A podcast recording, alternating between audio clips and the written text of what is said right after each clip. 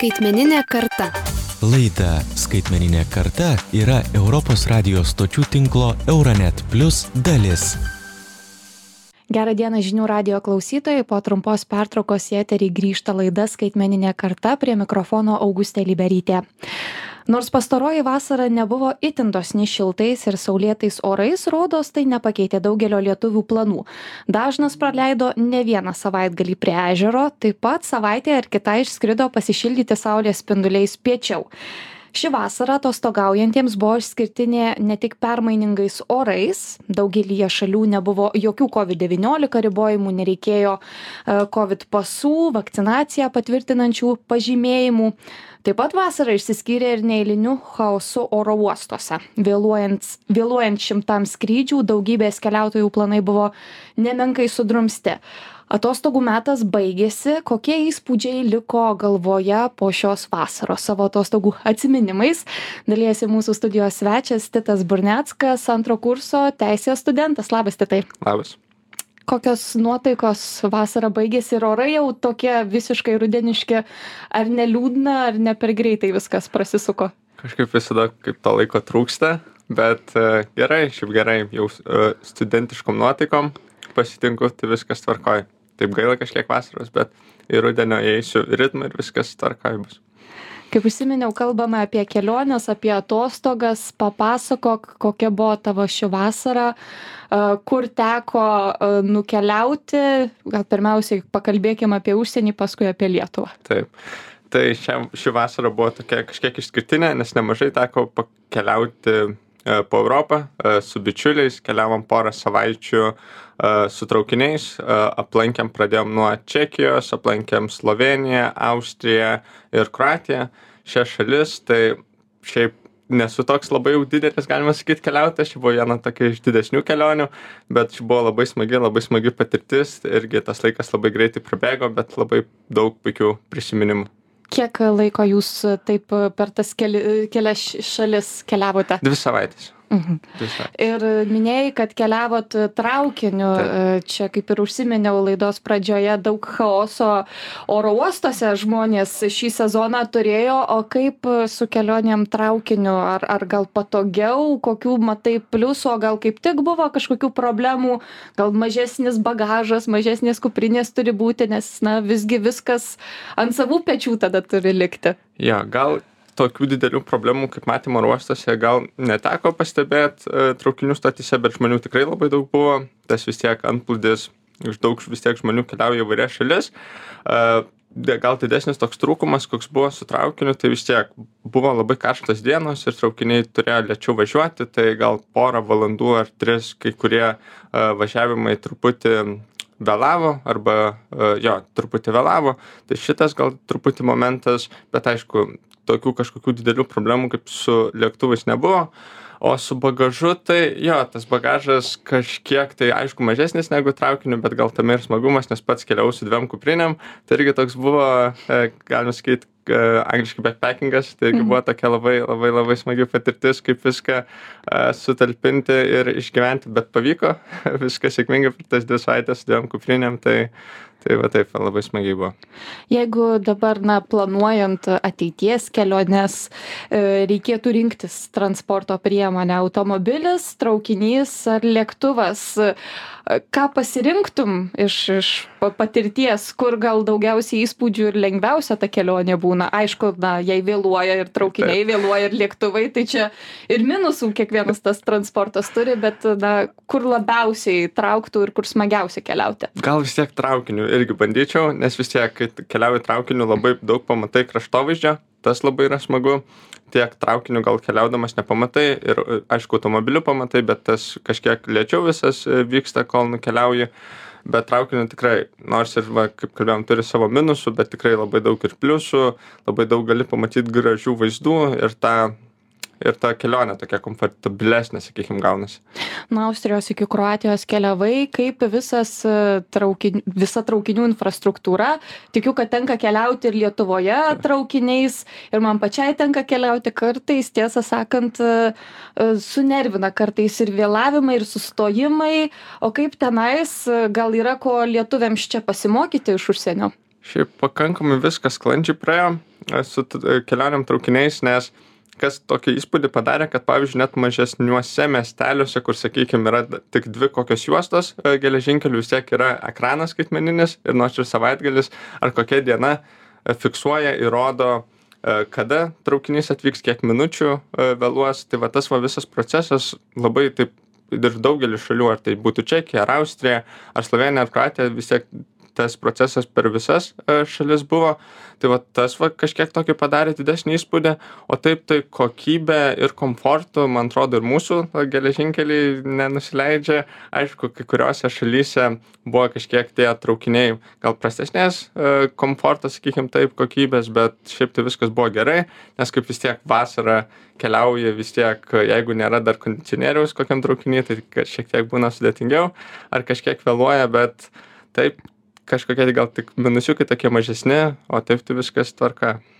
Per tas keletą šalių, e, kur daugiausiai lankėte su draugais, ar tai buvo didieji miestai, valstybių sostinės, ar visgi ieškojote nuotykių ir šiek tiek mažesniuose kampeliuose, mažesniuose miestuose? Jo, aplankėme šiaip visų tų keturių uh, valstybių išskyrus uh, Kroatijos sostinės uh, ir buvo šiaip ir toks vienas iš pagrindinių tikslų aplankyti tuos mažesnius miestelius ir pasižiūrėti, kaip ten viskas vyksta.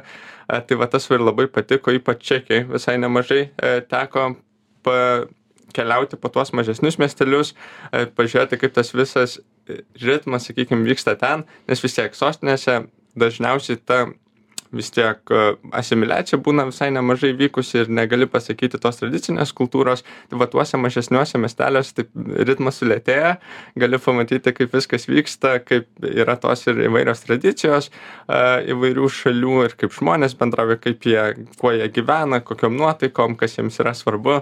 Tai va tas va labai didelį įspūdį paliko paliko. Ir va tas va keliavimas po mažus miestelius man atrodo yra toks kaip ieškojimas briliantų, nes tu gali labai e, suieškoti gerų vietų, irgi įspūdingų ir kai kurios net tikrai net neprilyksta sostinėm, kur dažnai būna daug turistų ir tas sambrusdis e, visai nemažas. Iš tikrųjų skamba taip, kad na, tuose mažuose miesteliuose ir veiksmo šiek tiek mažiau ir tikrai galima palsėti, tos tikros atostogos gaunasi ir kaip sakai, na, sostinėse, turistinėse vietose ir to sambrūždžio daug, daug chaoso, tai visai visai neblogas tada planas ieškoti na tų mažų kampelių mažų miestelių ir tenais atostogauti. Taip ir ne ir neatrastų vietų visada galima rasti tuose mažuose miesteliuose. Ar tai kažkokių žymesnių ar kažkokių gal kraščio kraštovaizdžio gražesnių mhm. tai va tas va irgi labai labai o kaip tuose mažuose miesteliuose su bendravimu? Nes mes žinome kad sostinėse turistinėse ta tuose taškuose populiariuose na ir pardavėjai ir kavinėse žmonės moka moka anglų kalbą, kurią daugiausiai na, susikalbame keliaudami Europoje, a, moka rusų kalbą, kitas kalbas yra, na, tos laisvės bendraujant. O mažuose miesteliuose gal buvo kažkokių problemų, nutikimų, ar, ar visur pavyko susibendrauti su žmonėmis? Šiaip kas va, visai smagu, kad šiaip labai daug kas mokėjo anglų kalbą ir tikrai kalbėjo labai uh, ir lengvai ir paprastai e, ta anglų kalba, nes vis tiek mes nei e, vokiečių kalbos, nei slovenų, nei kruatų, nei vienas nemokėjome, e, nei čekų. Tai kažkiek gal buvo e, sudėtingiau galvojom kad tai bus bet iš tikrųjų nebuvo. Gal toks vienas tik smagus buvo nutikimas kai kroatijoj keliavau e, nes reikėjo truputį anksčiau draugus palikti keliavau į oro uostą ir e, taksi vairuotojas nemokėjo anglų kalbos bet jis buvo labai geros širdies ir labai norėjo pakalbėt su manim tai mes tiesiog su ženklais su visokiais gestais kalbėjom ir buvo tikrai labai toks įsiminimas. Ir apskritai va per tas keliones va tokie va dalykai.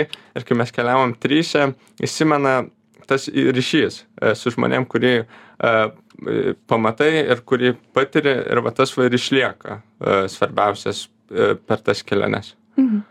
Dabar kviesiu pasiklausyti trumpos citatos iš mūsų kolegų Slovenijoje. Tenais žurnalistas Dino taip pat papasakojo apie slovenų atostogų ypatumus. Kadangi teko viešėti ir Slovenijoje, tai paklausykim ir galėsime sureaguoti Žiemos sezono metu Slovenijos slidinėjimo kurortai dažniausiai būna pilni, o vasarą būtinai apsilankykite Liublijanoje arba mūsų pajūryje. Nebejotinai būtina pamatyti mūsų sostinę Liublijaną, kurioje galite rasti stulbinančios architektūros, sukurtos mūsų žymiausio architekto Jožek Plečnik. Slovenai įpratę dažnai lankytis Kroatijoje ir jos pajūryje, nes ji visai netoli mūsų. Tačiau pradėjus aukti kainomis Kroatijoje, pradėjus pradėjome ieškoti įvairių sprendimų, todėl dabar slovėnų galite rasti visame pasaulyje. Dažniausiai mėgstame keliauti į Ispaniją. Graikija taip pat yra viena mano mėgstamiausių mūsų krypčių. Tačiau COVID-19 pandemija tikrai paveikė Slovenijos kelionių kryptis. Pradėjome keliauti po savo šalį, nes valdžia pradėjo remti mūsų turizmą ir visiems įteikė kuponus, kad gyventojai galėtų pasirinkti kelionės tikslą savo šalyje ir sužinoti apie jį daugiau as well. Lankėsi sostinėje Slovenijos. Ja, Koks tas įspūdis ir uh, ar tikrai ta architektūra gal sužavė, o gal atradai, kas e, labiau krito į akį ir išliko atminti? Taip, architektūra iš tikrųjų buvo uh, labai spūdinga ir nu, kaip aišku sostinėse žmonių tai buvo tikrai nemažai. Ir kaip tik tada buvo man atrodo ar penktadienį ar šeštadienį tik ir kaip tik ieškojom vietos pavalgyti. Tai buvo sambrūzdis didžiulis visi žmonės e, sugužėję į liublianos centrą. E, tai buvo kažkiek gal sudėtingiau bet iš tikrųjų paliko didelį įspūdį. Dar pačioj slo slovėnijoj teko pabūti antrame jeigu neklystu pagal dydį maribore ir tada mažučiam tokiam miestely ptujui. Tai va tuose ypač ptujuj labai didelį slovėnijoj padarė e, tokį sakykim įspūdį kraštovaizdis. E, ir vis tiek tie kalnai ir ta gamta tai padarė tikrai nemažą įspūdį ir va ką išsinešiau iš kelionės būtent slovėnijoj grįžkime šiek tiek į lietuvą. E, pandemijos metu kai buvo sudėtingiau keliauti į užsienį buvo įvairūs ribojimai taisyklės. E, daugelis lietuvių ne tik e, jaunuomenės ir ir vyresnio amžiaus žmonių na atrado lietuvą šiek tiek kitomis akimis daugiau ėmė keliauti savuose kraštuose. E, dabar atrodo vėl išsiilgom užsienio vėl daugiau keliaujame tenais. Kaip tau atrodo jaunam žmogui vis dar įdomu keliauti lietuvoje? Yra dar ką pamatyti, ką patirti?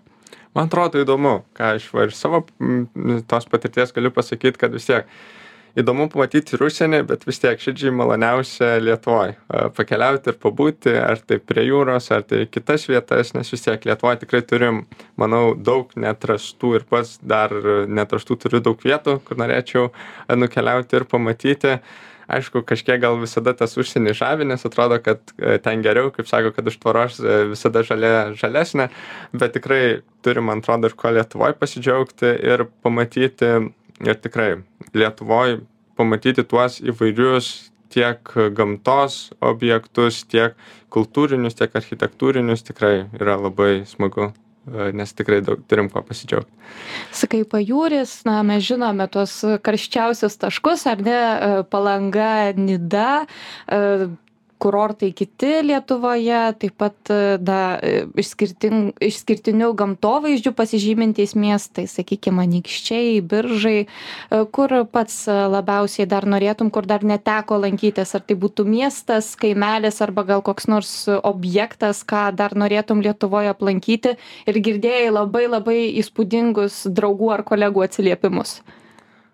Gal taip norėčiau apsilankyti E, Dzukijos krašte gal labiau, nes teko būti daugiausiai Lietuvai, e, nes vis tiek ten žinom, kad e, yra visai nemažas miškų zona, tai vis tiek gamta labai mane traukia, tai va toks gal pirmas būtų mintis šovusi tas Dzukijos kraštas, bet aišku, visada man širdžiai maloniausia tas gimtasis kraštas ir visada norisi ten grįžti, tai pats esu iš Edviliškio, tai ten visada labai norisi grįžti. Ką iš savo krašto parekomenduotum klausytojams, kokią vietą ar objektą, ką būtų įdomu aplankyti kiekvienam?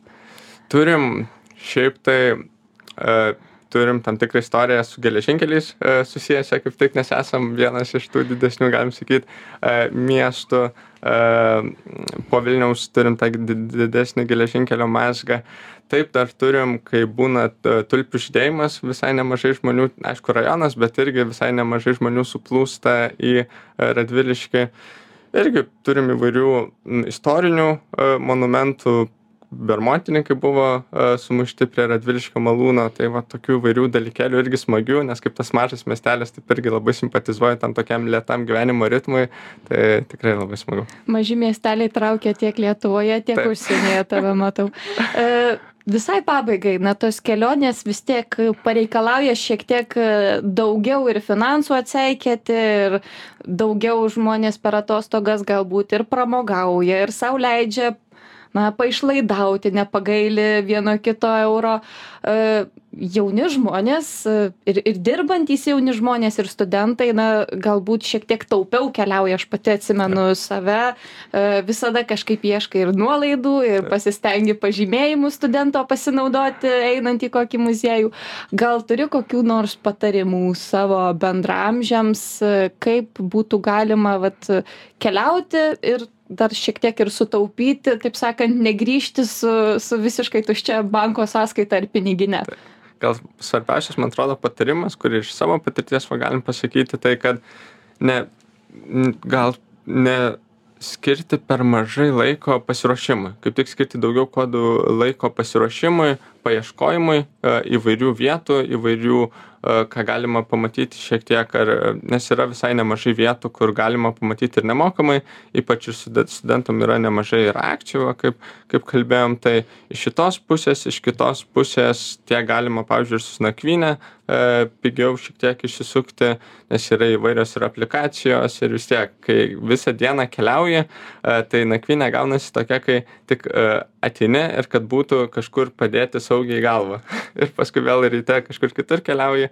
Tai penkių žvaigždžių apartamentų, žodžiu, ja. ne, ne, nesirenkame. Ja, gal penkių žvaigždučių viešbučio asmeniškai nesirinkčiau, šiek tiek kitaip. E, ir va, ant šitų dalykų, man atrodo, ir galima skirti daugiau pasiruoš... laiko pasiruošimui, paieškojimui ir taip santūriau, vadinkim, keliauti. Ačiū tau, ačiū už tavo įspūdžius. Na, supratome, kad tikrai traukiniais po mažus miestelius ir tikrai sutaupant keliauti ir turėti įspūdingus ir ryškius įspūdžius iš atostogų įmanoma.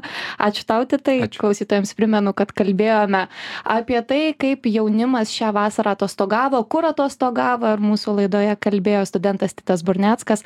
Prie mikrofono dirba Augustė Liberytė. Iki kitų kartų. Skaitmeninė karta. Laida Skaitmeninė karta yra Europos radijos stočių tinklo Euronet Plus dalis.